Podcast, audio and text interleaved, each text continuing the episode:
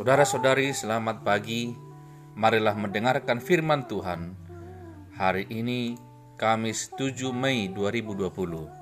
Tertulis dalam kitab Kisah Para Rasul pasal 20 ayat 28. Karena itu jagalah dirimu dan jagalah seluruh kawanan, karena kamulah yang ditetapkan Roh Kudus menjadi penilik untuk menggembalakan jemaat Allah yang diperolehnya dengan darah anaknya sendiri.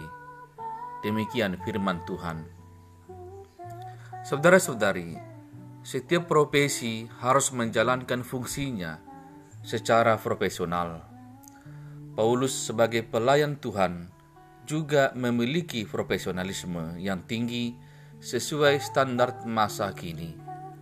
Ia mempunyai integritas yang tinggi, dibuktikan dengan hidupnya yang transparan di hadapan jemaatnya. Integritas ini meliputi setia terhadap tujuan hidupnya, yaitu melayani Tuhan. Tetap setia dan taat mengemban misi dan tanggung jawabnya, walaupun situasi dan kondisi tidak mendukung dia. Tuntas dalam menjalankan tugasnya dan kesungguhannya, lalu kebersihannya dan kejujurannya dalam soal keuangan pelayanan. Saudara-saudari, bagaimanakah seseorang dikatakan profesional? Yang pertama, ia mempunyai wawasan. Yang kedua, ia dapat menerjemahkan pengetahuan yang dimilikinya ke dalam keterampilan yang berguna untuk berkarya. Ketiga, ia memiliki integritas yang tinggi, di mana perkataan dan perbuatannya seirama dan sejalan. Itulah yang dituntut oleh firman Tuhan hari ini kepada kita semua di tengah-tengah situasi yang terjadi di sekitar kita. Tuhan menuntut kita juga untuk profesional menjalankan tugas dan fungsi kita. Tujuannya apa? Untuk menjaga dan untuk mempertanggungjawabkan tugas yang kita terima dari Tuhan.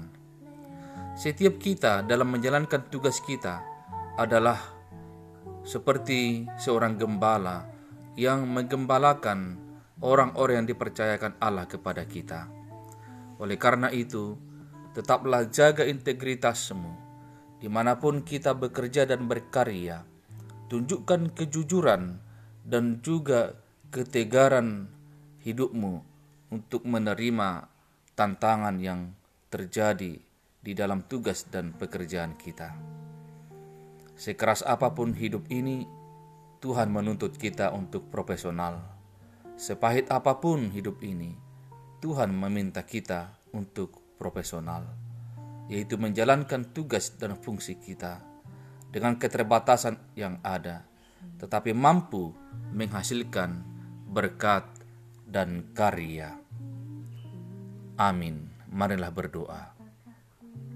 Tuhan Allah Bapa kami di sorga, terima kasih atas firman-Mu yang terus meneguhkan dan mengobarkan semangat kami untuk selalu menjalankan tugas-tugas kami di tengah-tengah situasi yang terjadi saat ini. Biarlah kami semua tetap belajar dari gembala agung, dan kami menjadi gembala-gembala kecil yang menggembalakan setiap orang-orang yang Tuhan percayakan kepada kami dengan profesional seperti yang Tuhan harapkan. Terima kasih ya Bapa. Berkatilah seluruh jemaatmu di mana pun berada dan bekerja. Kiranya kami semua tetap dalam pimpinan Tuhan. Selamatkanlah kami bersama orang-orang yang kami kasihi Selamatkan juga bangsa dan negara kami ini. Terpujilah Engkau kekal selama-lamanya di dalam Yesus Kristus. Kami berdoa kepadamu. Amin. Shalom.